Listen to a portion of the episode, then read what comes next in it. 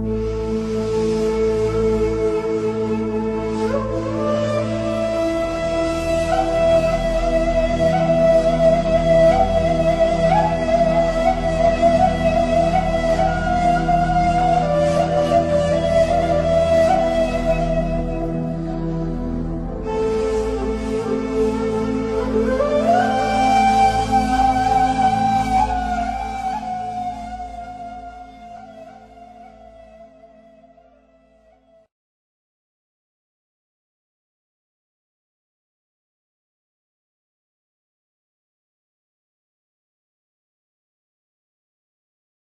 Bismillahirrahmanirrahim. Elhamdülillahi Rabbil alemin. Ve sallallahu ve sellem ala seyyidina Muhammed ve ala alihi ve sahbihi ecma'in.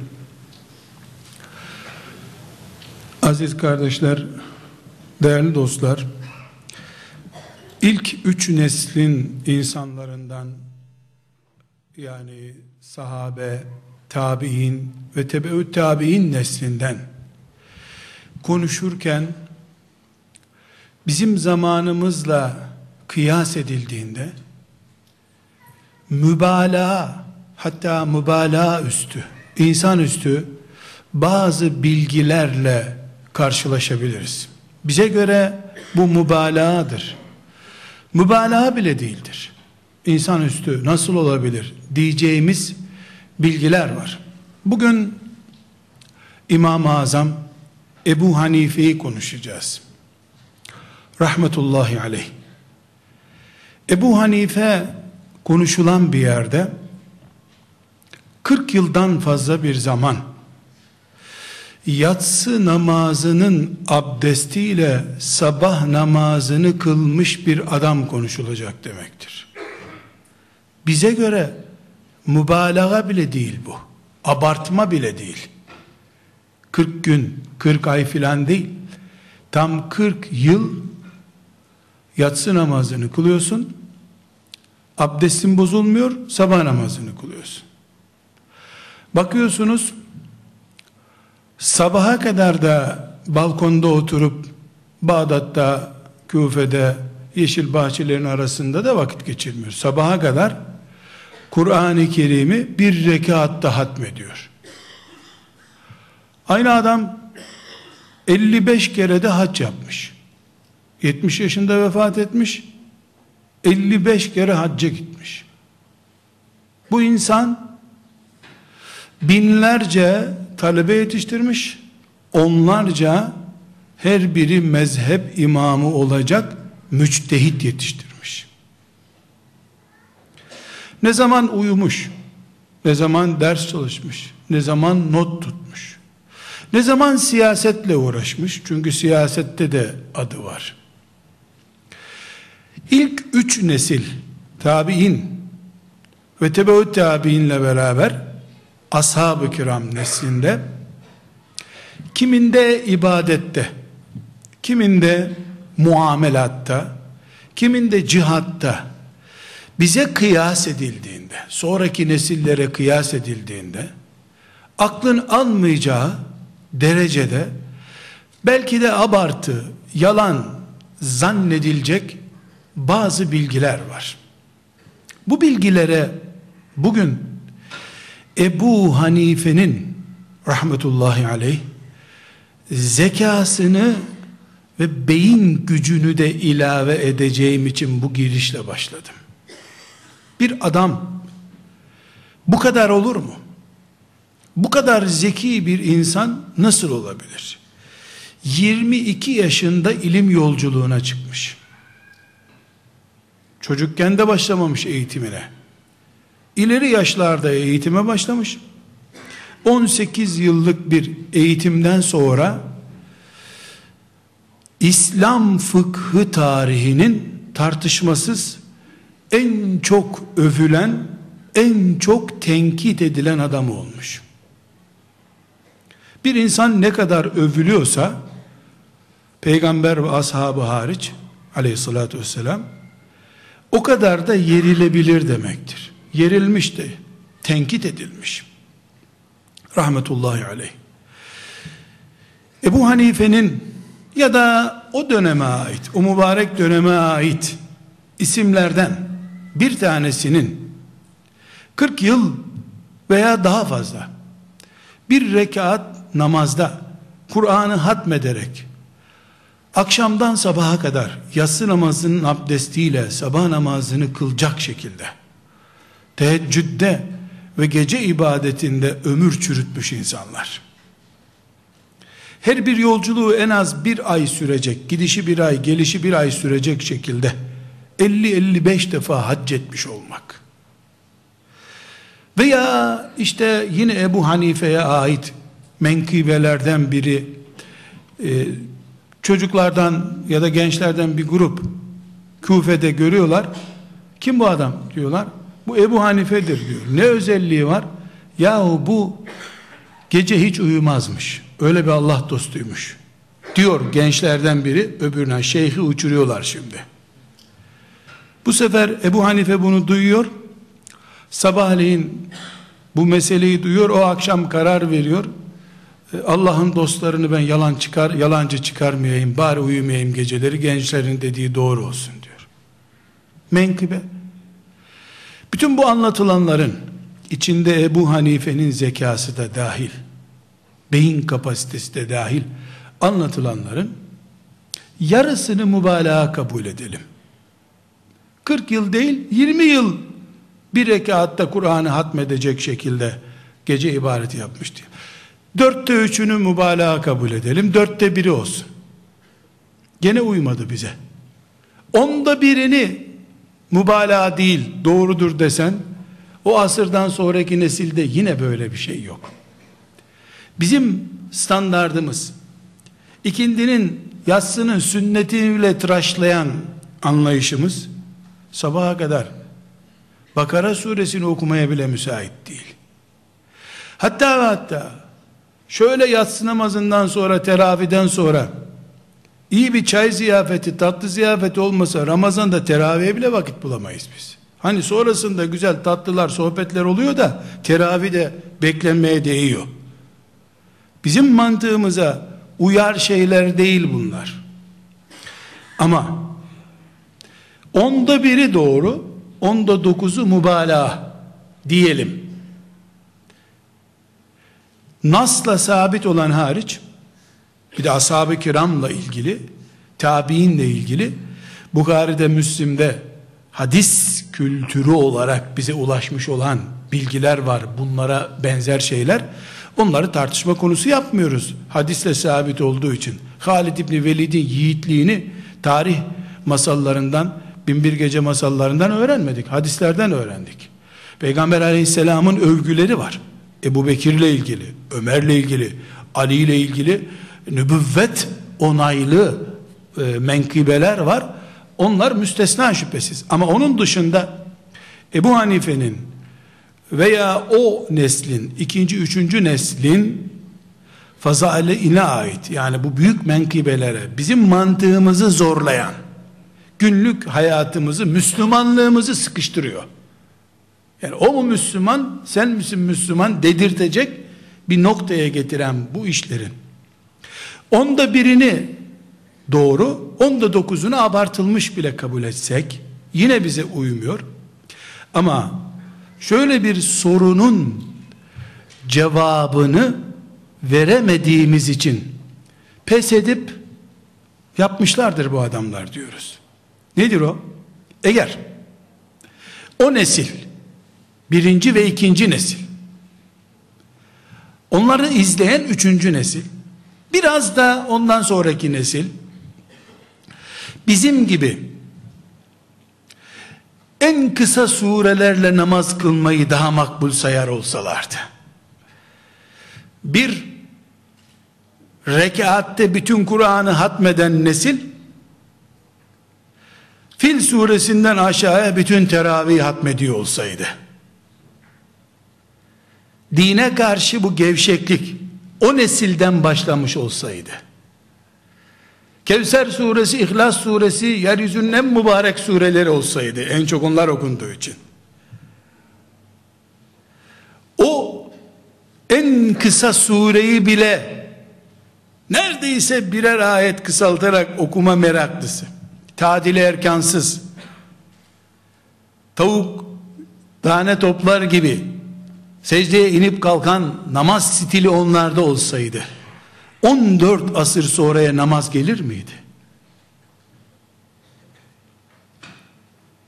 Yani onlardaki bu menkibe yoğunluğunu bir anlığına mübalağa kabul edelim.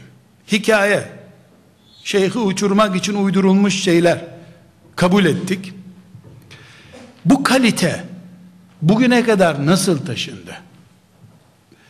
Çünkü her 10 senede bir namaz mesela, Kur'an sevgisi mesela, peygamber aşkı mesela, onlardaki bu büyüklük menkıbe, 55 defa hac yapma aşkı mesela.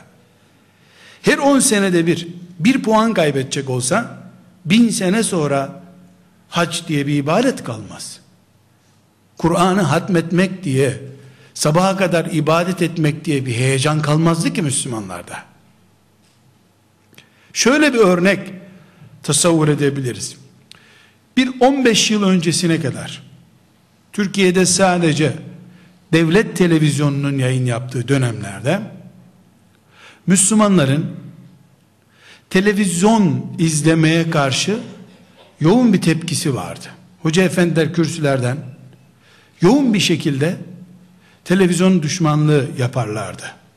Haktı, doğru.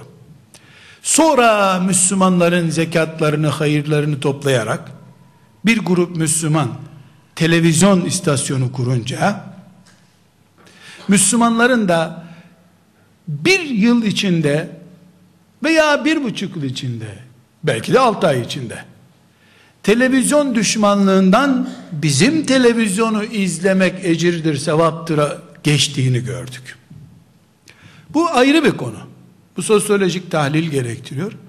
Ama o kanal kurulduğundan beri Müslümanlar bir araya gelip bir kış gecesi sohbet bile yapamıyorlar artık. Üç Müslümanı sohbet etmek için bir araya getiremiyorsun. Düğün cenazelerde bile akşam film saatine rastlarsa insanlar bir araya gelemiyorlar. Bir televizyon kanalıyla bile ki şimdi artık kaç tane olduğunu bile bilmiyoruz. Ee, şimdi hepten e, televizyon bolluğu oluştu. Şimdi belki de facip farz düzeyine çıktı. Müslümanların televizyonlarına sahip çıkmak. Ee, şimdi bu televizyon bolluğu Müslümanların ibadetini değil, camiye cemaatini filan konuşmuyorum. Oturup evde çay içme, muhabbet etme, birbirinin çorbasını içme kültürünü bile kaldırdı. Bir on yıl içinde gözlerimizle bunu izledik. Eskilerin anlattığı bir hikaye değil bu. Bir 10 sene, 15 sene öncesini tartabilen herkesin tahmin edebileceği bir olay. Eğer bu ilk nesil bizim hayal, abartı olmaz. Diyeceğimiz düzeyde gece ibadeti, cihat anlayışı, peygamber aşkı, Kur'an sevdası, ilim yoğunluğu içinde olmasalardı. Bu erime yani onlar da bizim anladığımız gibi bu işi yapacak olsalardı. Mesela ezan okunduktan sonra abdest alıyorsun. Farza zor yetişiyorsun düzeyinde olsaydı bu ilk üç neslin cemaate gitme anlayışı. Şimdi cami diye bir şey kalır mıydı ortada? Şimdi camilerin alt katları, bodrumları, yanı başları, dükkan, iş yerleri olduğu halde Müslümanlar farza yetişemiyorlar. Ama bakıyoruz bunlar, şehrin dışından, köylerinden namaza yetişmişler, akşama gelmiş, dönmüş, gitmiş, yatsıya gelmiş. Yürüyerek. Bu nedenle, ilk üç nesle ait olan, bize göre abartılı, ama onların nezdinde, onların şartlarında bir hüküm veremiyoruz. Abartı mı değil mi? Olan olayları, onların İslami yaşayış tarzlarını, kimliklerini, karakterlerini, aile düzenlerini vesaire. Eğer hadisle sabitse filanca böyledir diyor Peygamber aleyhisselam onaylıyorsa mesele bitti iman ettik teslim olduk. Eğer öyle değil de sadece bize bir tarih kitabında Zehebi Siyer-i Alam'ın Nübelasında böyle bir bilgi veriyorsa o zaman bizim mantığımız başka bir şeye soruluyor. Böyle değildiler de Allah neden bunlara bu kadar bereket verdi? Bilgisayar klavye bilmedikleri halde bu eserlere nasıl sahip oldular? Kalın bir bot giymedikleri halde terlik gibi ayakkabılarla binlerce kilometre nasıl yürüdüler? Kalemleri olmadığı halde her kelime için bir kere okkaya baltırıp çıkarıp öyle bir kelime yazıyorsun. Çıkarıp bir kelime yaz. Batırıp çıkarıyorsun. Batırıp çıkarıyorsun. Batırıp çıkarıyorsun. Bu şartlarla onlarca yüzlerce cilt kitap nasıl yazdılar? Nasıl talebe yetiştirdiler? Allah hayatlarına feyiz ve bereket verdi diyoruz. Bu bereketi neyle de verdi? Teheccüd ibadetine verdi Kur'an aşkına verdi, ilim aşkına verdi. O zaman bir önceki nesil değil, on önceki nesildeki bu tür bilgileri biz mübalağa bile olsa reddedemiyoruz. Sabaha kadar bir rekatte bir hatim indirilir mi kardeşim ya? diye sorulduğumuz zaman indiremem ama indirmiş olabilir birisi demeye mahkum oluyoruz. Ben yapamam. Yapsam da zaten bir defa yaparım. E bakıyorum Ebu Hanife'nin Kur'an bağlantısına her Ramazan'da 60 hatim indirmiş. Gecesinde bir rekatta bir hatim indiriyor. Gündüz de bir hatim indiriyor. 60 hatim. Ya altısına razıyız. Altının üçte birine de razıyız Ramazan'da. Hucu içinde bir hatime de razıyız. Cep telefonuna bakmadan, uyuklamadan bir hatime de razıyız. Yapamadık, yapan olur. Allah'ın ne kulları var. Çünkü bize Allah'tan gelen feyiz berekete bakıyoruz. Onlara gelen feyiz ve berekete bakıyoruz. Allah'tan gördükleri desteğe bakıyoruz.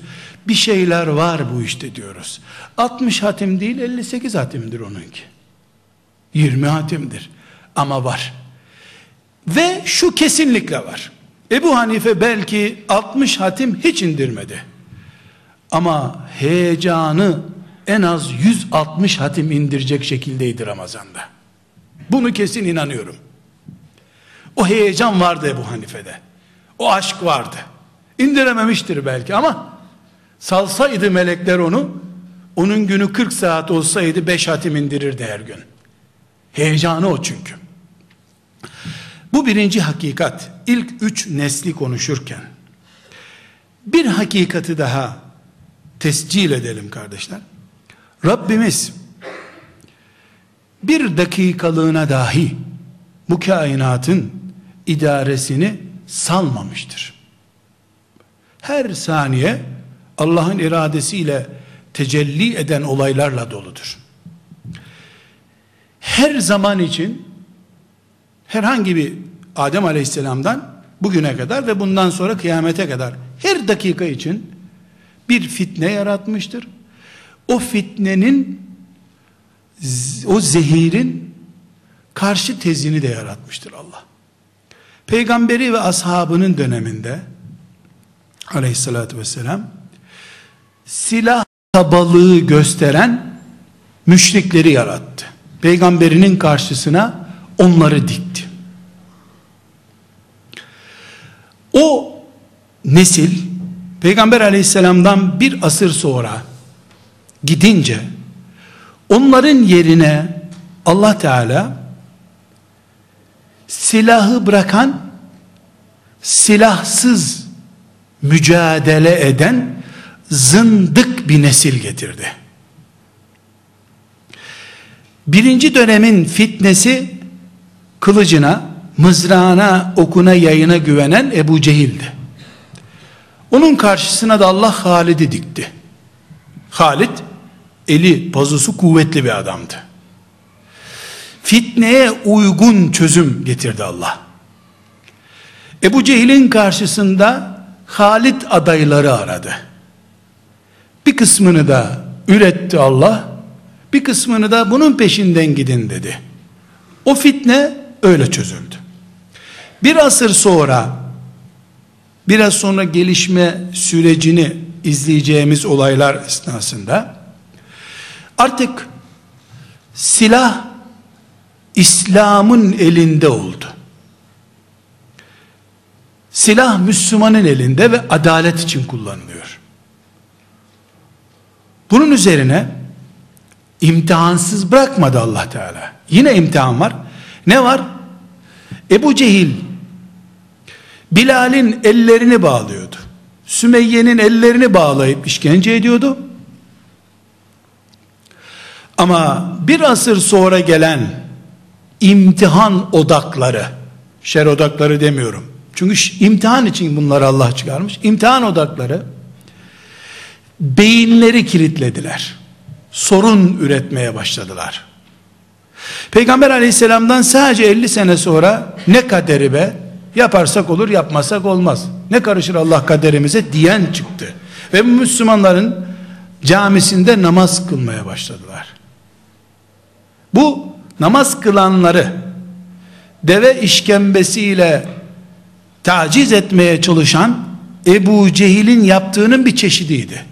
Bu namaza geliyor. Ama namazdan sonra ellerini kaldırıyor ya Rabbi.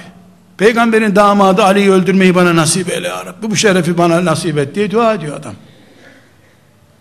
Ve bunu kabul olsun duası diye teheccüd namazı kılıyor. Ve bunu Allah rızası için yapıyor. Ebu Cehil elleri kelepçeliyordu. Ayakları kelepçeliyordu. Bu beyinleri kelepçeliyor. Fikir zulmü başladı. Halid İbni Velid 10 kat daha güçlü bir şekilde hicretin 110. senesinde çıkmış olsaydı yapacağı hiçbir şey yok. İslam namına bir mağlubiyet yaşatırdı bize sadece. Çünkü Halid'in eli güçlü. Var mı Allah'a düşman, peygambere düşman diyecekti. Küfe'de, Bağdat'ta, Basra'da. Ne diyorsun sen ya? Allah'a düşmanlık olur mu? Diyecekti herkes. İşsiz kalacaktı Halid. Ama hicretin 100. 110. senesinde Allah şöyledir. Allah böyledir diye Allah'ı kullarına benzetmeye çalışan, ona bir insan şekli vermeye çalıştı. Yunan felsefesinden etkilenerek mantık üzerinden İslam oluşturmaya çalışan zındıklık hareketi, İslam'ı içinden oyma hareketi Halit değil, zihni berrak, rakibi birinci kelimesini konuşurken cümlesinin sonunu anlayıp o cümlesini bitirmeden cevabını verecek pratik bir adam istiyordu. O günün savaşı söz savaşı oldu. Medya diyelim şimdiki adıyla medya savaşı oldu.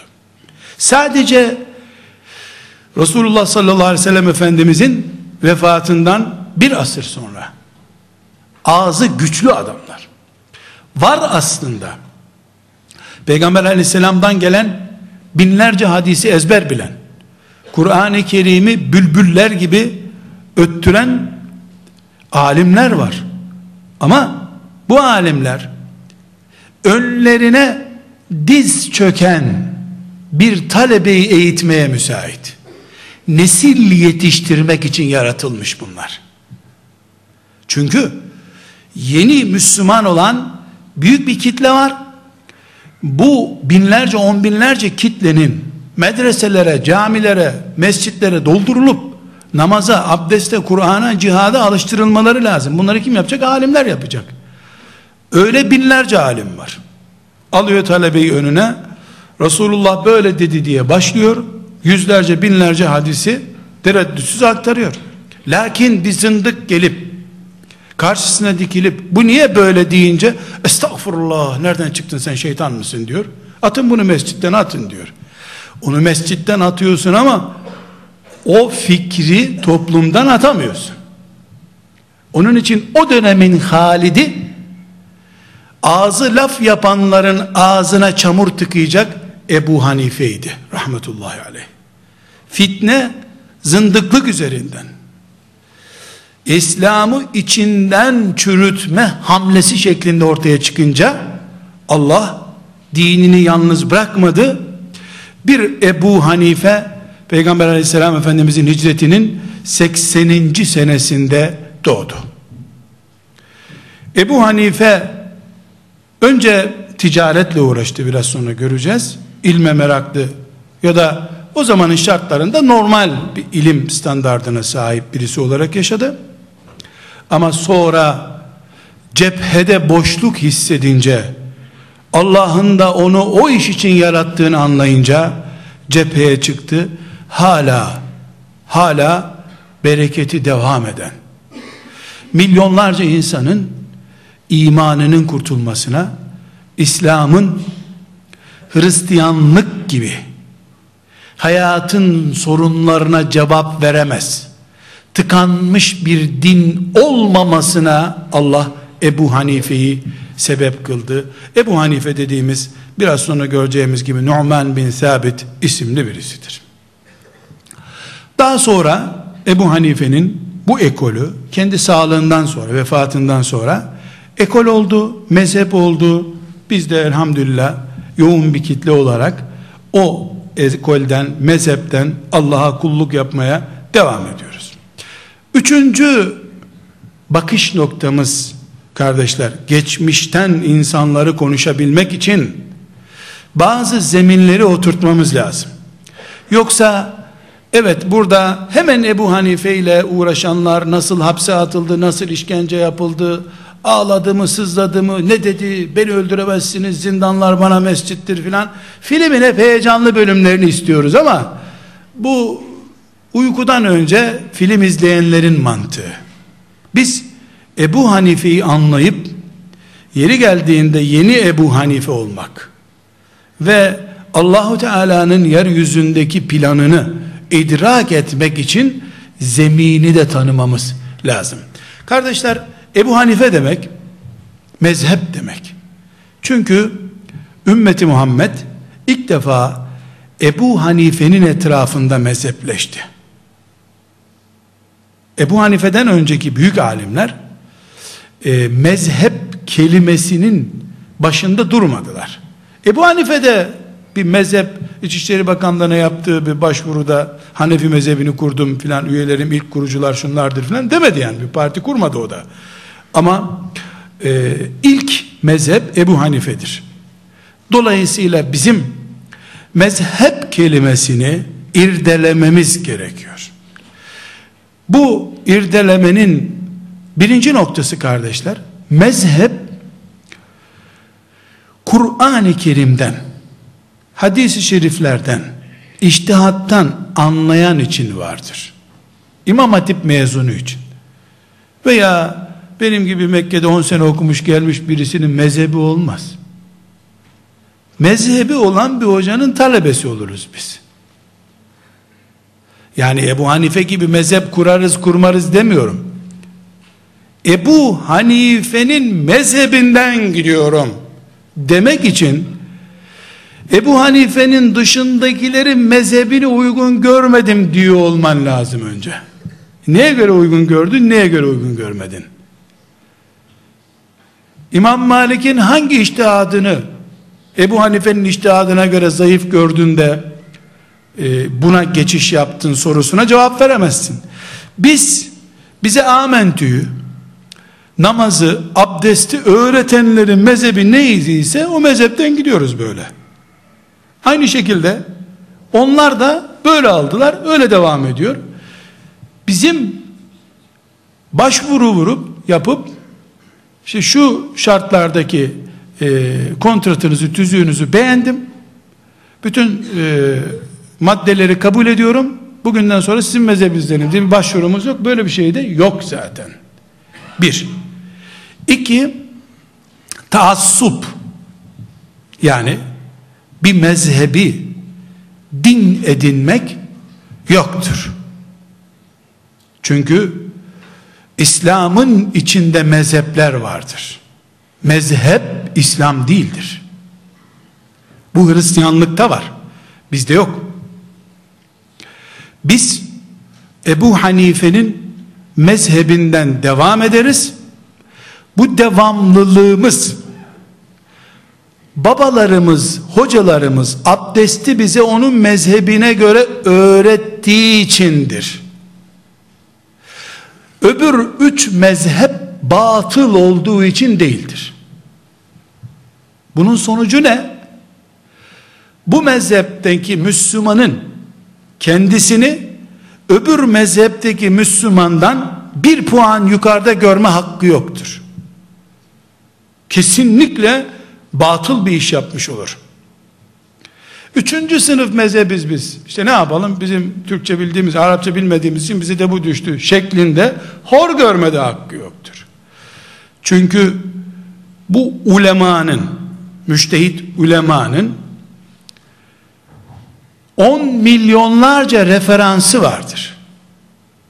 Samimi olduklarına, kendilerine taraftar toplamak gibi dertleri olmadığını, Allah'a giden yolu aydınlatmak istediklerine dair onlarca, yüzlerce değil, on binlerce Allah dostunun şehadeti vardır.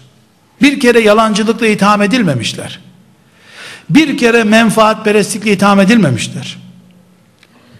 Her biri daha iyisi böyledir diye düşünmüşler. Allah da müçtehit kulları yarışsın işte istemiş. Bu yarış kulların lehinedir.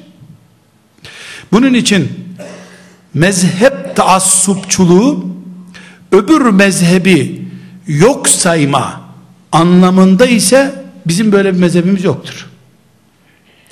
Ben bunu biliyorum, bu işten devam ederim. Hanefiyim, Şafiiyim diyeninki de haktır. Allah mübarek etsin. Mezhep anlayışımızda bu imamlarımızın biz dört tanesinin ismini biliyoruz. Daha çok imamımız var. Ama yaygın olarak şu anda İslam aleminde bu dördünün adı meşhurdur. Bu dört imamımızın dördünün de Allah için çalıştıklarına, bir kuruş biriktirmediklerine, üye sayısı ile ilgilenmediklerine bütün dünya Müslümanları şahittir. Dolayısıyla onların samimiyeti konusunda bir sorun yoktur. Aynı şekilde onların dört mezhep olarak mesela ortaya çıkmalarında da bu ümmet için rahmet vardır. Yeri geldiğinde böyle bir konuyu da irdeleyeceğiz. Bu rahmet nasıl bizim için tecelli ediyor? Ama her halükarda biz bu mezheplerin varlığını öbürünü batıl sayacak şekilde benimseyemeyiz. Bu dediğim şeyin adı mezhepsizlik değildir. Mezhepleri yerli yerine oturtmaktır. Mezhebe din muamelesi yapmak kesinlikle mümkün değil. Mesela ben çıkıp elhamdülillah Hanefiyim desem bu elhamdülillah Müslümanım demek gibi olur. Allah korusun Müslüman olmasam ne olurdum dememek için elhamdülillah Müslümanım diyorum. Elhamdülillah Hanefiyim diyen birisi yani Allah'a hamd ediyor Hanefilikte Allah kurtarsın Şafiileri de bataklıkta gidiyorlar demek istiyordur. Bilerek ya da bilmeyerek. Sorsan böyle bir iddiada bulunmaz. Ama bir şeye hamd etmek ne demek? Yokluğunu azap görmek demek onun. Yani sen Hanefi olarak yaratılmayıp da Hanbeli olarak yaratılsaydın, kurtar beni ya Rabbi mi diyecektin? Bu cahillik. Niçin, neyin neden kullanıldığını bilmemezliktir. Doktorun verdiği bir şişe ilacı daha çabuk iyileşmek için bir seferde içmeye benziyor bu. Günlük bir tane alsa iyi olacaktı. Bir sefer değiştiği için mide kanaması mı geçirecek ne geçirecekse ölüp gidecek. Mezhepler durdukları yerde ümmeti Muhammed'in ufkunu açan, İslamiyet'in daha hızlı yayılmasına vesile olan araçlar olarak değerlidirler. Asla mezhepler dinin kendisi değildir. Bunun için biz Ebu Hanife'yi konuşurken rahmetullahi aleyh bir hakikati tescil edelim. Diyelim ki iki türlü Ebu Hanife var. Bir, Türklerin özellikle mezhep imamı, imamımız, sultanımız Ebu Hanife. Bir bu Ebu Hanife var. Bir de ümmeti Muhammed'in imamlarından. Muhammed Aleyhisselam'ın medresesinde yetişmiş.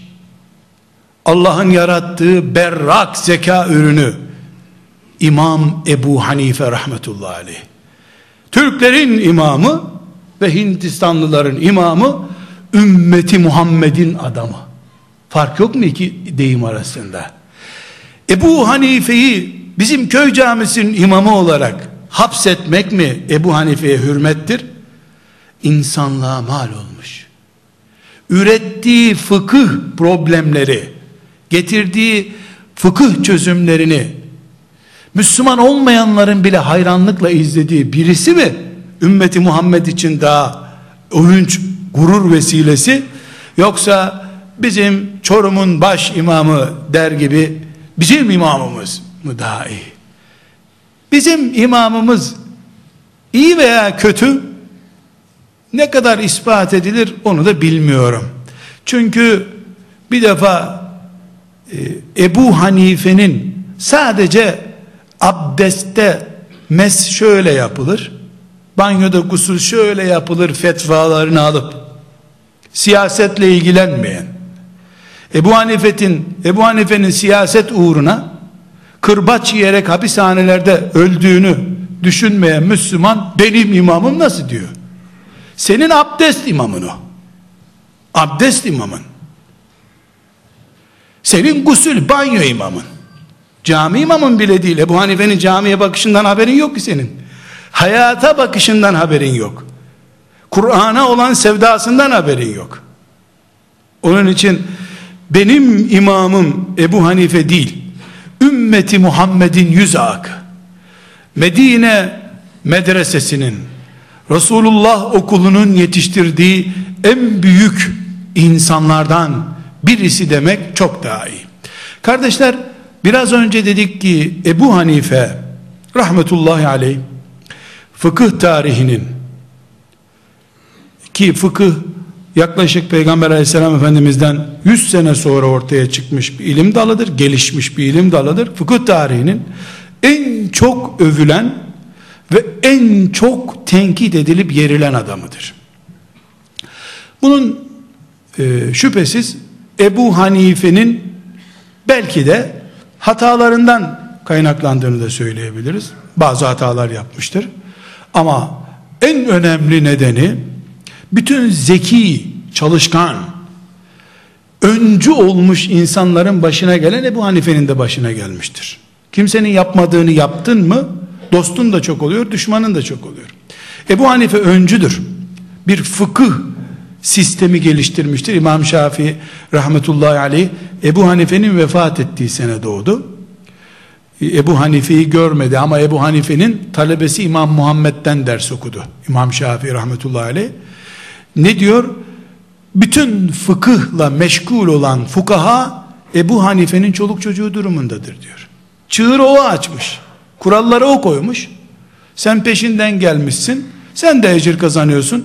Ama e, özellikle Ebu Hanife bu işin başı bir numarası. Ebu Hanife'yi tenkit edenler hala var. Kör tenkitleri, şimdiki tenkitleri konuşmamıza gerek yok ama Ebu Hanife gerek sağlığında ve gerekse Abbasi devletinin bir numaralı e, adamları onun talebeleri olup da fıkıhtan, yargıdan Hanifi mezhebinin sorgu, sorumlu olduğu üç asır yani hicretin dördüncü asrına kadar olan zamandaki süreçte daha sonra da Selçuklular ve Osmanlılarla beraber tam devlet mezhebi haline gelen Ebu Hanife'nin tenkit edilmesinde iki neden var. Bir, resmen haset. Bildiğimiz haset. Normal insan standartlarında olmayan zekası, normal talebede, hocada olmayan çalışma azmi haset edilmiş. Her nimet sahibi haset edilir diyor Efendimiz sallallahu aleyhi ve sellem. İkinci olarak da siyaset adamları Ebu Hanife'yi haset etmişlerdir. Ama bu hasedin nedeni Ebu Hanife'nin kabalıkları, yanlışlıkları filan değil. Özellikle Emeviler ve daha sonra Abbasiler ayakta durabilmek, zulümlerine payanda olarak kullanabilmek için Ebu Hanife'ye siyasi içerikli görevler teklif etmişler. O da kabul etmemiş. Her iki dönemde de Ebu Hanife rahmetullahi aleyh biraz sonra zikredeceğimiz büyük işkencelere muhatap olmuş ama ilim adamlığından taviz vermemiştir. Kırbaç yedi, sürgün yedi, beş yıl Mekke'de kaçak yaşadı. Mekke'ye sığındı, kaçak yaşadı, Küfe'ye dönmedi ama fikirlerinden, akidesinden asla taviz vermedi rahmetullahi aleyh. Kardeşler Ebu Hanife kendi sağlığında bir mezhep iddiasında bulunmadı. Vefat ettiğinde de herhangi bir mezhebi yoktu. Çalıştı. Çok kaliteli talebeler yetiştirdi. Yetiştirdiği talebelerin boyutunu veyahut da hangi ebata getirdiğini anlayabilmemiz için şöyle örnek verebilirim. Bir konu konuşulacağı zaman Ebu Hanife talebelerini çağırıyor. Onların görüşlerini soruyor. Kabul ederse tamam hep beraber böyle söyleyelim diyor. Kabul etmezse ben öyle düşünmüyorum diyor ama onların görüşleri de iptal edilmiyor. Ömer Nasuhi bilmenin ilmi hali son fıkıh çalışmalarından biridir. Önümüze koyalım. Herhangi bir meseleye bir bakın. Hanefi mezhebinin kitabıdır. Ebu Hanife böyle dedi. İmameyn böyle demedi diyor. İmameyn dediği iki talebesi.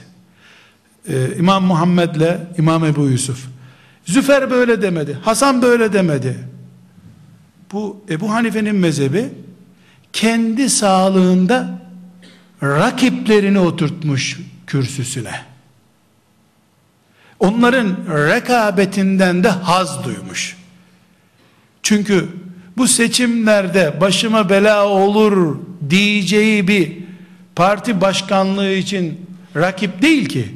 Bunun rekabeti Allah'ın dinini daha iyi anlama üzerine dinde daha iyi iştihatlar yapma üzerine kurulu olduğu için bir babanın evladının büyümesinden haz aldığı gibi talebelerinin yetişmesinden haz almıştır. Rahmetullahi aleyh. Mesela İmam Malik için aynı şey geçerli değildir. Talebeleri soru bile soramamışlar İmam Malik'e. Mesela İmam Şafii daha geniş imkanlarla ilimle meşgul olma fırsatı bulduğu halde İmam Şafii rahmetullahi aleyh için aynı şey söylenemiyor. Ahmet bin Hanbel için aynı şey söyleyemiyor. Ama Ebu Hanife kendi sağlığında kendi ikinci, üçüncü, beşinci adamlarını çıkarmış. Bu büyük bir gayret. Bu hocalık kapasitesini gösteren, öğretmekten ne kadar zevk aldığını ve ne büyük bir yetenek geliştirdiğini gösteriyor. Aksi takdirde 70 yaşında Ebu Hanife vefat ettiğinde rahmetullahi aleyh kendisiyle beraber ilmi de gidecekti. Doğru dürüst bir kitap yazmamıştı çünkü. Kardeşler bana göre Ebu Hanife'de en önemli ayrıntı Arap olmayışıdır. Farisi kökenlidir. Yani bu İran yöresinin insanlarından. Bu yüzden de Efendimiz sallallahu aleyhi ve sellemin bir hadisi şerifi hep Ebu Hanife'ye mal edilir. İşte bu Farisi çocuklardan biri gelecek, ilim Süreyya yıldızında da olsa onu alacak diye bir övgü vardır. E şimdi o zamandan bu zamana kadar ilim alanında e, Farisi çocuklarından başka bir şey gelmedi. Kimse gelmedi yani. Din adına, iştihat konusunda bir Ebu Hanife böyle güçlü bir isim. E, bundan sonra gelirse bu hadis Ebu Hanife'yi göstermiyor demektir. Rahmetullahi aleyh. Ama şimdiye kadar bu hadisin Ebu Hanife'ye ait olduğunu inkar etmek mümkün. Hadis doğru çünkü. Hadis mevzu bir hadis değil. Ebu Hanife kardeşler e, bir Farisidir. Yani Arap değildir. İki Ebu Hanife en önemli özelliklerinden konuş. Ebu Hanife Arap değil, belli ki Arapçayı en iyi ihtimalle babasının döneminde öğrenmiştir. İran tarafından gelmişler çünkü Küfe'ye. Küfe'ye geldiklerinde de dedesi Ali bin Ebi Talib radıyallahu anh'ın elini öpmüş. O da Allah nesline bereket versin demiş. Bu da sabit. Ee, demek ki yani bu bereket belki de Ali bin Ebi Talib radıyallahu anh'ın duasından kaynaklanıyor. Ee, şimdi bazı rivayetlerde de e, ne kadar doğru olduğu da belli olmayan bir rivayet bu. Dedesinin köle olarak Küfe'ye geldiği de söyleniyor. Ama bu dinin kölesi mölesi yok. Keşke hepimizin dedesi köle olsaydı Ebu Hanife gibi torunlar olsaydı onların da. Yani kölelik bir ayıp bir şey değil. Zira Ebu Hanife'nin döneminde e, yani Ebu Hanife'nin dönemi dediğimizde 80 ile 150 arasını konuşuyorum. Hicretin 80 ile 150 arasında kardeşler bugün fetvalarıyla amel edilen ulemanın yüzde doksanı Arap değildir. Önemli bir bölümü de köledir. Araplık o dönemde yani Resulullah sallallahu aleyhi ve sellem'den sonra ikinci asrın ortalarına kadar ya da Abbasilerin devleti kökleşinceye kadar Araplık İslam'ı dışarı taşımanın adı haline gelmiş.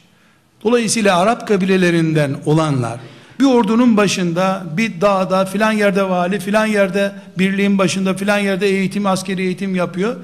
İlim Arapların dışındakilere kalmış.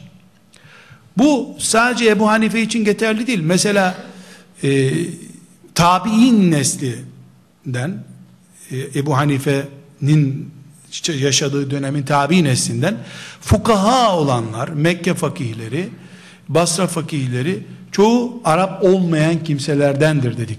Ama bu Araplığın düşüklüğünü ya da sırf böyle oldukları için bunların çok değerli olduklarını göstermiyor. Çünkü Allah katında ne Araplık bir değerdir ne de Arap olmamak bir züldür. Takvadır esas olan. Ebu Hanife'de de işte sabaha kadar bir rekatta Kur'an'ı hatmedecek takva var. E, dolayısıyla Ebu Hanife almış götürmüştür rahmetullahi aleyh. Kardeşler Ebu Hanife demek ilim demek. O dönemde Ebu Hanife'yi sivrilten şey en azından dört imam var. Bu dört imam arasında da tek yapan çünkü biraz fıkıhla meşgul olduğunuz zaman görürsünüz ki bu dört imamın birleştikleri yerlerde üçü bir Ebu Hanife birdir hep. Yani Ebu Hanife tek başına bir sancak götürmüş. Ümmetin geri kalan ilim adamları da öbür sancağı taşımışlar.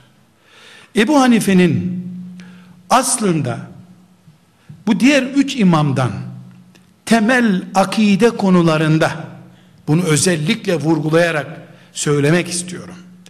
Akide konularında, iman konularında veya ashab-ı kiramın inandıkları şeyler konusunda tek bir meselede farklılık vardır.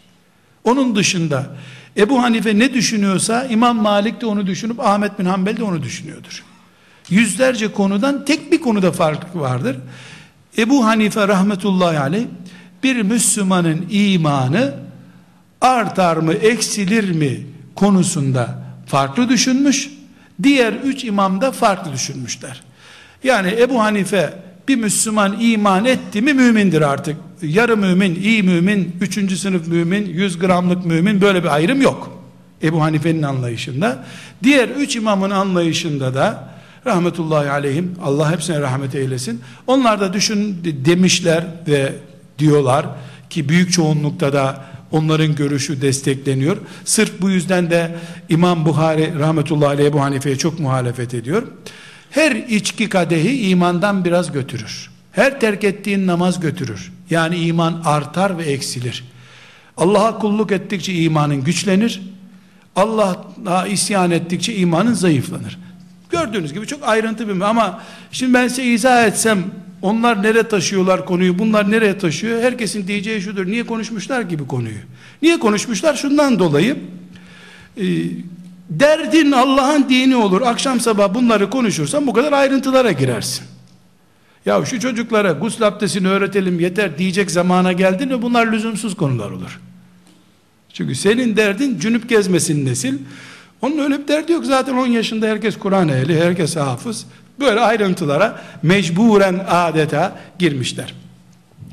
Burada kardeşler biraz önce bir konuya temas ettim. Ebu Hanife'ye iş düştüğünde İslam toplumunun önemli bir sıkıntısı vardı. Bu sıkıntı Yunan felsefesi Basra'ya, Küfe'ye taşınmıştı. Sadece Medine ve Mekke Resulullah sallallahu aleyhi ve sellem'den devralındığı gibi Kur'an'ı ve sünneti devam ettiriyordu. İki ekol çıkmıştı ortaya. Biri Medine ekolü, Kur'an ve sünnetin dışında fıkıh bile yok. O da yasak. İkinci ekolde de ya bu adamlar ne diyor şu solcuların yazılarını okuma hastalığı var ya şimdi bizde. O o zaman peyda olmuştu. Bir sürü nesil ortaya çıktı. Bunun da tabi temel nedenleri arasında milyonlarca insan diyelim de bugünkü rakamlarla anlaşılsın. Milyonlarca insan Müslüman olmuşlar. İslam'a girmişler. Bunların kimi şemanizmden gelmiş, kimi Hristiyanlıktan gelmiş, kimi hepten dinsizlikten, kimi mecusilikten, herkes bir değişik dinden gelmiş. Gelirken insanlar kafalarındaki mecusilik anlayışını, kafalarındaki şemanizmi, Hristiyanlığı, tamamen dinsizliği, köylerinde bırakıp Bağdat'a, Küfe'ye gelmemişler. O kirli ekoller, yani daha önce ayran içtikleri bardaklarla zemzem içmeye gelmişler. Dolayısıyla o bardaklara zemzem döküldüğünde ayranın kiri zemzeme de etki etmeye başlamış. Ebu Hanife'nin işe başladığı dönemde Allah diyor ki dediğin zaman insanlar kaş göz işareti yapmaya başlamışlar. Bu yüzden Ebu Hanife yola çıkarken tefsir hadisten çok kelam ilmiyle yola çıkmış. Nedir kelam ilmi? Kur'an'ı anlatabilecek mantık kuralları demek. Mantık oyunlarına sahip olmak demek. Bu yüzden Ebu Hanife mücadeleye çıktığında diğer imamlardan gördüğü ilk tepki sen ne yapıyorsun ya? Ayet, hadis okunacak yerde sen söz oyunu yapıyorsun şeklinde tepki görmüş. Bir e, husus daha var Ebu Hanife'yi tanımak için kardeşler. Ebu Hanife hicretin 80. senesinde doğdu. 150. senesinde de vefat etti. 80. seneyle 130. sene, 132. seneye kadar olan dönem Emevi iktidarı dönemidir. Bu çok önemli. 132'den sonra da onun vefatı olan 150'ye kadar da Abbasi iktidarı dönemidir.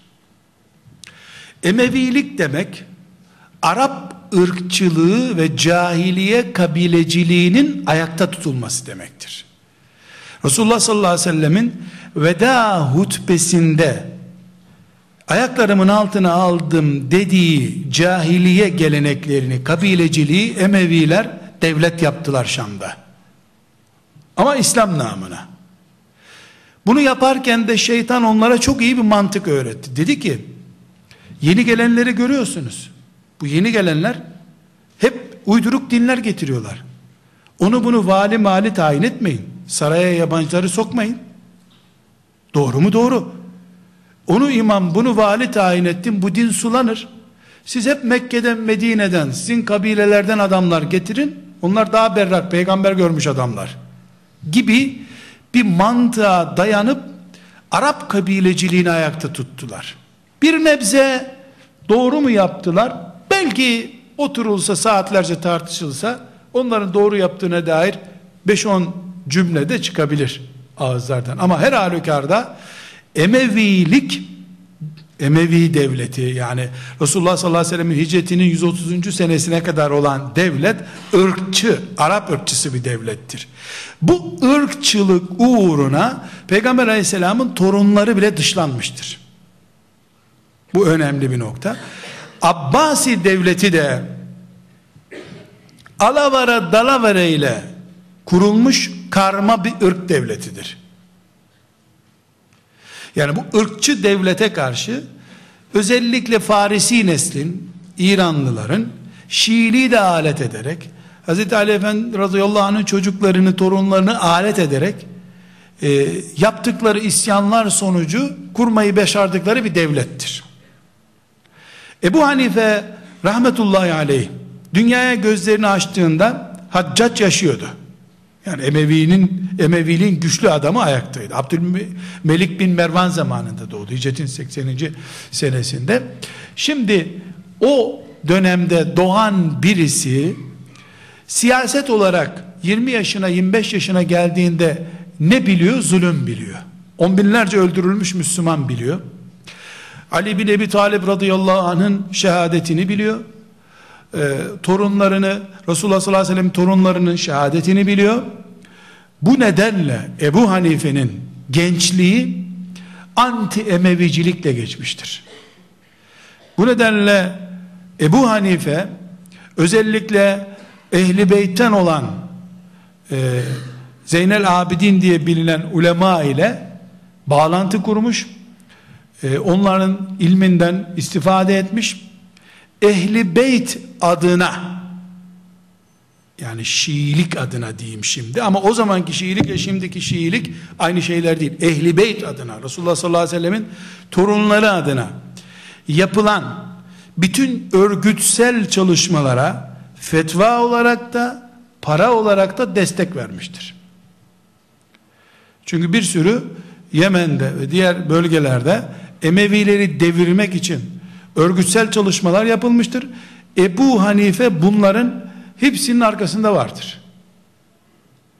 Ebu Hanife'nin sadece banyo imamı olmadığını, gusülden başka bir şeyler de bu ümmete öğrettiğini anlatan belgeler bunlar. Bu yüzden Ebu Hanife Emevilerin e, heder etmek istediği ya da susturmak istediği bir adamdı. Daha sonra Abbasilere geleceğiz. Abbasiler döneminde de Ebu Hanife rahat durmadı. Yine e, çünkü o Abbasiler iyi niyetlerle Müslümanların desteğini aldılar. Ebu Hanife de destek verdi. Emeviler yıkıldı. E, Abbasiler e, devlet kurdular. Kurdukları devlette adalet söz vermişlerdi. Ehli beytin torunlarını kullanarak devlet kurdular. İlk hapsettikleri adamlar onlar oldu. Hepsini zindanlarda çürüttüler. Ebu Hanife de Geldi Küfe'ye elhamdülillah ehli beyti seven bir devlet kuruldu dedi. Bir baktı ki e, Resulullah sallallahu aleyhi ve sellemin torunlarının hepsi hapishanelerde. Kırbaçlanıyorlar, zulüm görüyorlar. İkinci isyanını başlattı bu sefer. Ebu Hanife rahmetullahi aleyh. Demek ki kardeşler Ebu Hanife'nin döneminin karakteristik siyasi özelliklerinden bir tanesi e, Emeviliğin ve Abbasiliğin yönlendirmesi.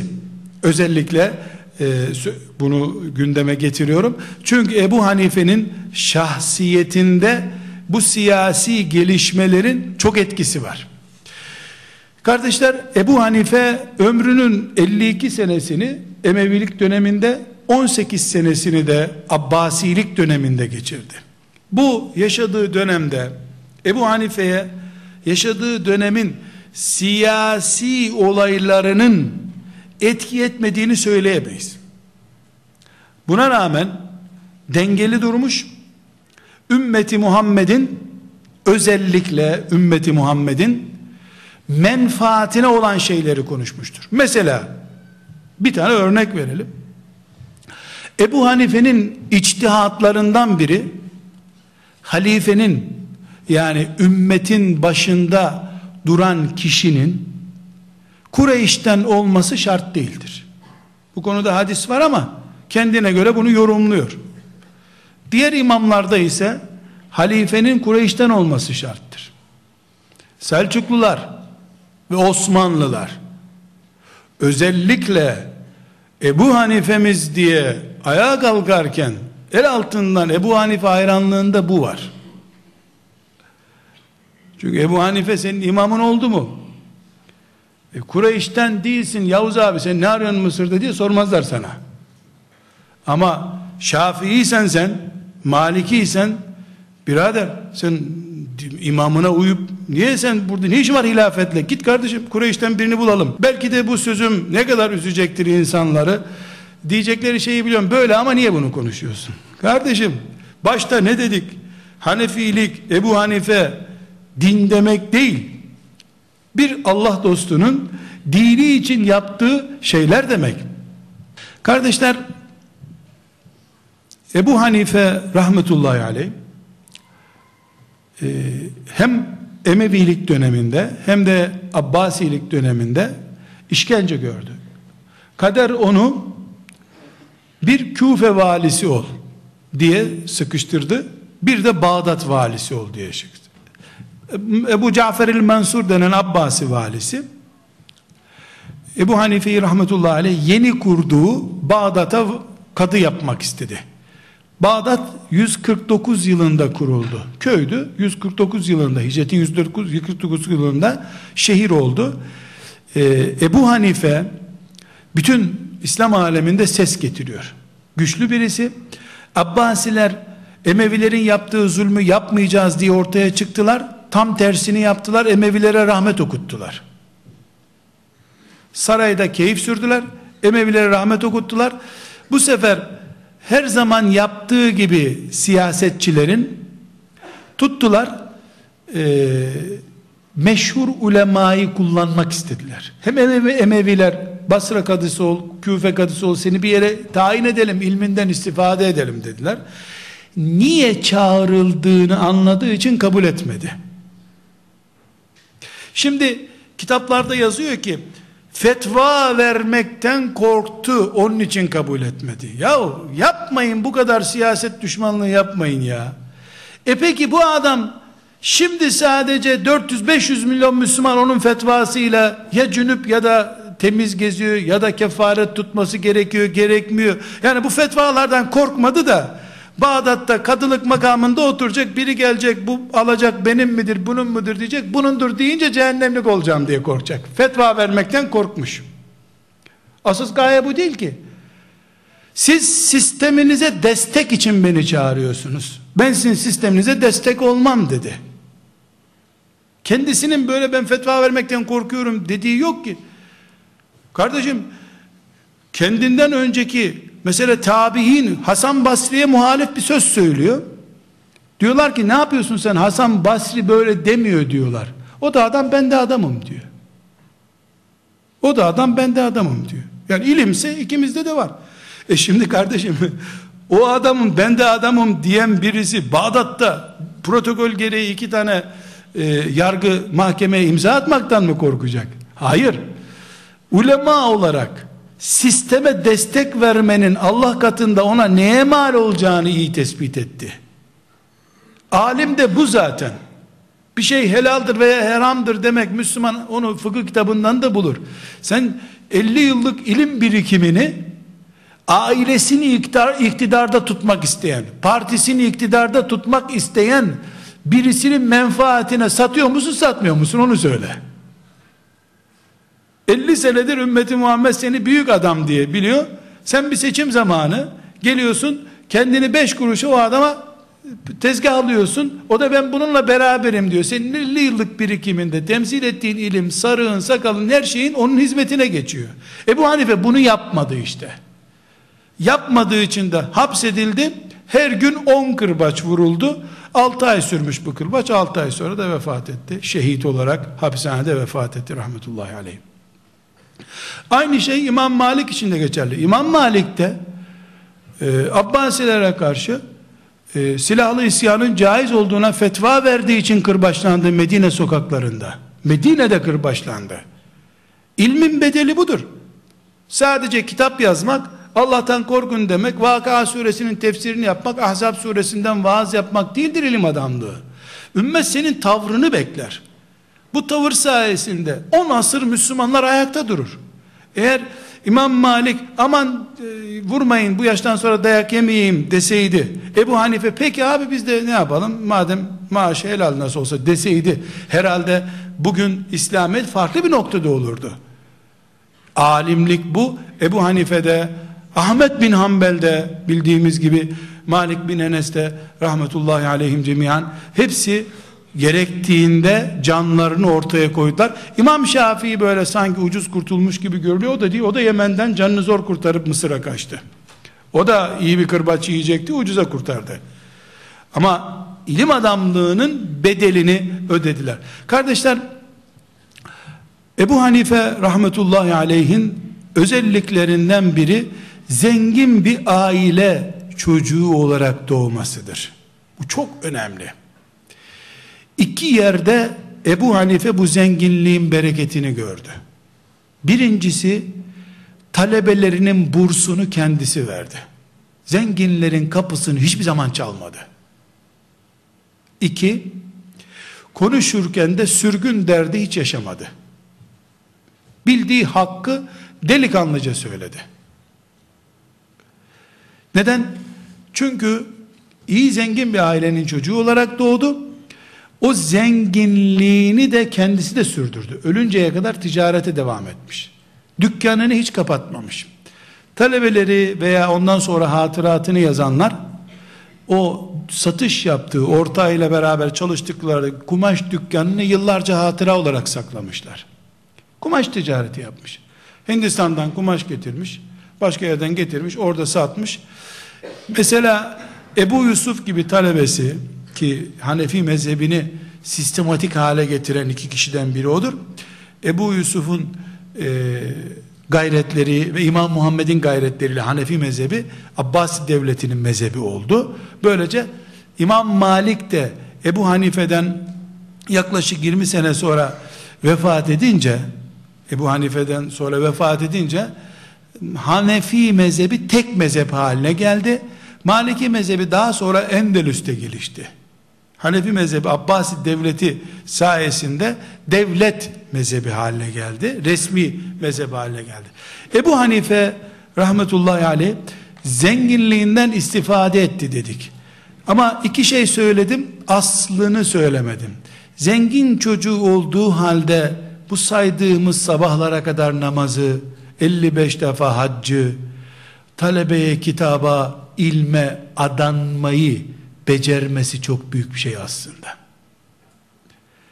Hep İmam Şafii diyor ki rahmetullahi aleyh şu fakirliği arayan varsa ulemanın sarığında arasın bir yere gizlenmiştir o diyor. Yani sanki fakirlik bir mikrop alimlerin sarığının içinde yaşar. Yani alimler hep fakirdir. Fakir, adeta fakir olmayan alim olamaz gibi bir anlayış var. Ebu Hanife bunun tam tersinedir.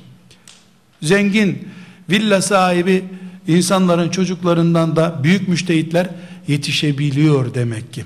Kardeşler, Ebu Hanife'de çok enteresan özelliklerden biri, Ebu Hanife 22 yaşına kadarken İmam Hatip talebesi gibi biriymiş işte. O zamanın İmam Hatip talebesi ama. Yani normal ilimleri olan hafız, Arapça biliyor, hadis biliyor böyle birisi. 22 yaşında Şabi denen e, tabiinin büyük alimlerinden biri var. Buna bir gün yavrum demiş sen niye ilimle meşgul olmuyorsun? O da işte ticaret, kumaş filan anlatırken sen de iyi, iyi işaretler görüyorum. Sen ilimle meşgul olsan iyi olur demiş. Sanki Allah Teala işte sebep yaratacak ya bu zatın küçük bir abi nasihatini kendi deyimiyle kendisine rehber edinmiş. Hammad bin Ebi Süleyman isimli tebeut tabiinden olan bir zatın ders halkasına oturmuş. 18 sene onun dizinin dibinden ayrılmamış. 18 sene üzerine Ebu Hanife 40 yaşına geldiğinde Hammad vefat ediyor. O vefat ettikten sonra yani 40 yaşından sonra bu helaldir, bu haramdır demeye başlamış. Bunu kendisi söylüyor. 40 yaşından sonra. 70 yaşında vefat ettiğine göre demek ki Ebu Hanife'nin bütün şu dünyaya yayılan ilmi 30 senelik bir çalışmanın ürünü. Yani bir insan o zamanki kıt imkanlarla ki Ebu Hanife'nin kitabı yok aslında. Sözlü çalışmaları, ders halkalarında bütün bunları yapmış.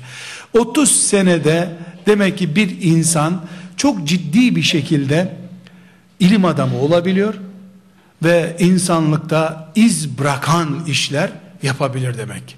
Daha önce de zikrettim. Ebu Hanife'nin arkadaşlar ilk çalışma alanı kelam alanıdır. Bu yüzden de üzerine bütün okları çekmiş. Sen ne yapıyorsun? Fitne fesat çıkarıyorsun diye görmüşler. Ee, İmam Malik'in mesela çok ağır tenkitleri vardır. Çok tenkit etmişler Ebu Hanife'yi. Çünkü biraz önce örnek verdim. Yani o zamanki ulemanın stili önüne gelen talebeye din öğretme stilidir. Camide vaaz ederek Müslümanları e, Müslümanlaştırma stilidir. Ebu Hanife'nin stili taştan su çıkarma stilidir. Düşmanına eğitim verme stili kurmuş. Yıllar sonra Ebu Hanife'nin vefatından sonra rahmetullahi aleyh ne yaptığı çok iyi anlaşılıp çok daha büyük rahmet dualarıyla anılmıştır. Ebu Hanife'de kardeşler ilim adamlığı ve meşhurluk onu bugünlere taşıyan özelliklerden birkaç tane zikredebiliriz. Birincisi arkadaşlar hiç konuşmaya gerek yok. Allah'tan gelmiş bir zeka. Yani büyük kafa. O zaman onunla karşılaşanların hatıraları mesela İmam Malik e, anlatır. İmam Malik'e nispet edilir. E, başka büyük tabi ulemasına nispet edilen bir söz mesela Sevri'ye nispet ediliyor. E, diyorlar ki Ebu Hanife o camide namaz kıldığın ağaç taş, ağaçtan direği sana gösterip bu altındır derse tartışmamanı tavsiye ederiz. Sonunda altın olduğuna inanacaksın sen. İyisi mi tartışma öyledir de git. Vakti harcama. Bu derece güçlü bir zeka, ikna kabiliyeti var. Bu arkadaşlar felsefe bölümünü bitirerek filan elde edilir bir şey değil. Allah lütfediyor. Dedik ki bir fitneye karşı birini çıkaracak. Ebu Hanife her sorulan soru için saatlerce çay içerek sabaha kadar tefekkür ederek cevap hazırlayacak olsa yetiştiremeyeceği kadar fitneler vardı. Sorular sorulmadan dudak hareketlerinden anlayıp cevap yetiştirdiği için seri bir şekilde imdadına yetişti İslam'ın. Bu karakterde bir de Gazali var rahmetullahi aleyh. İmam, İmam Azam Ebu Hanife'den yaklaşık olarak 3 asır sonra geldi. İmam Gazali de öyle. Yani sen ne sormak istediğini gözüne bakarak anlıyor, sana cevap veriyor o arada. Sen de sorunu sormana fırsat bulamıyorsun, mağlup olup gidiyorsun. Demek ki o zaman o gerekliydi, Allah onu gerek. Nitekim Ebu Hanife bu zındıklık hareketini yani İslam'ı içinden oyma hareketini çökertince Ebu Hanife'ye ihtiyaç kalmadı. Nitekim kendisi son 20 senesinde kelam ilmini terk etmiş. Fıkha yönelmiş. Kendi diyor kelama gerek kalmadı artık diyor. Çünkü rakipleri meydanın boş olmadığını görüp kenara çekildiler. Bu sefer Allah Teala Ebu Hanife'den yaklaşık olarak 100 sene sonra Ahmet bin Hanbel'i çıkardı. Bu sefer Resulullah sallallahu aleyhi ve sellemin on binlerce hadisini koruyacak hard diskte ihtiyacı vardı. Ahmet bin Hanbel'i çıkardı Allah Teala. Birinci özellik arkadaşlar demek ki e, Ebu Hanife'de fıtri bir yetenek var. İkinci özellik yine onun elinde değil yaşadığı asır arkadaşlar bir ashab-ı kiramın küçüklerini görmüş. Yani Efendimiz sallallahu aleyhi ve sellem sağken 10-15 yaşında olan Enes İbni Malik gibi sahabileri görmüş. Bu büyük bir nimet. Evet ashab-ı kiramdan rivayet etmemiş. Yani onların talebesi olma ya da rivayet etmeye yaşı müsait. Kendi yaşı da müsait değil. Küfe'ye gelen Enes İbni Malik'i görüp elini öpmüş mesela. Yeryüzünde kaç Müslümana nasip oldu Enes İbni Malik'i görmek veyahut da işte filan sahabiyi görmek. Yani ashab-ı kiramın bereketine kavuşmuş. Artı ilmi mücadelesini tabi'in döneminde yapmış. Ne demek tabi'in döneminde? Ümmeti Muhammed'in en hayırlı ikinci nesli bunun arkadaşları hep. Londra'da din eğitimi görüp tasavvuf doktorası yapıp İstanbul'a gelmemiş. Hasan Basri gibi adamların konuştuğu, Fudayl bin İyadların konuştuğu dönemde ders yapmış. Abdullah ibn Mübarek bunun talebesi olarak önüne oturmuş. Abdullah ibn Mübarek büyük bir tabi'in neslinden büyük birisi biliyorsunuz. Ebu Hanife'den oturup hadis okumuş. Ebu Hanife hakkında söylediği çok müthiş sözler var. Eğer bu dünyada fıkıh bir kişiye nasip olacaksa Ebu Hanife'ye nasip olmuştur diyor. Yani istifade etmiş ondan çünkü. Ee, talebeleri ve hocaları açısından da Ebu Hanife çok e, sabırlı ve şanslı bir zamanda yaşamış. Burada arkadaşlar e, bir husus daha var. Ebu Hanife'yi sadece e, bu özellikleri yani çok zeki olması değil bir de yaşam tarzı da çok etkilemiş. Mesela onu anlatan talebeleri özellikle e, karşısı karşısındaki insanlar konuşurken sinirlenmeyen, rahat rahat dinleyen, karşısındakinin söyleyeceği sözü pili bitince ona bir kelimelik cevap veren adamdı diyorlar. Sinirli, kavgacı bir adam değil, merhametli, latif, ihtiyar bir dede rolünde. Bu da neyi gerektiriyor? Heyecanlanıp direksiyonu kaybetmiyor, hakimiyetini kaybetmiyor elinden. Bağırıp çağırmıyor.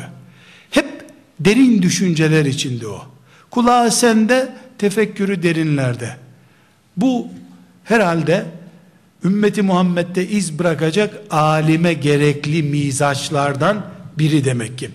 Burada kardeşler e, Şafii ulemasından olan İbn Hacer el-Heytem diyor ki hayatı boyunca diyor hep kendi kazandığından yedi bu da onun hayatına ve ilmine bereket getirdi diyor. Hiç burs almamış demek ki. Hiç sıraya girmemiş burs sırasına. Yani İbn Hacer el-Heytemi bunu Ebu Hanife'yi bereketli yapan özelliklerden biri sayıyor. Halbuki onun hocası yani ya da onun imamı olan İmam Şafii rahmetullahi aleyh de yani Burs'ta yaşamış. Hiçbiri Burs'ta yaşamış değil ama bunun gelir kaynağı belli.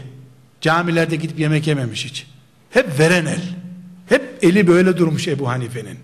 Bunu asırlarca azam imam olarak yaşamanın altında yatan zemin olarak görüyor. Bir başka şeye de o özellikle tespit ediyor. Şehitlik diyor herkese nasip olmuyor. Şehit olarak ölürsen asırlarca unutulmazsın tabi diyor.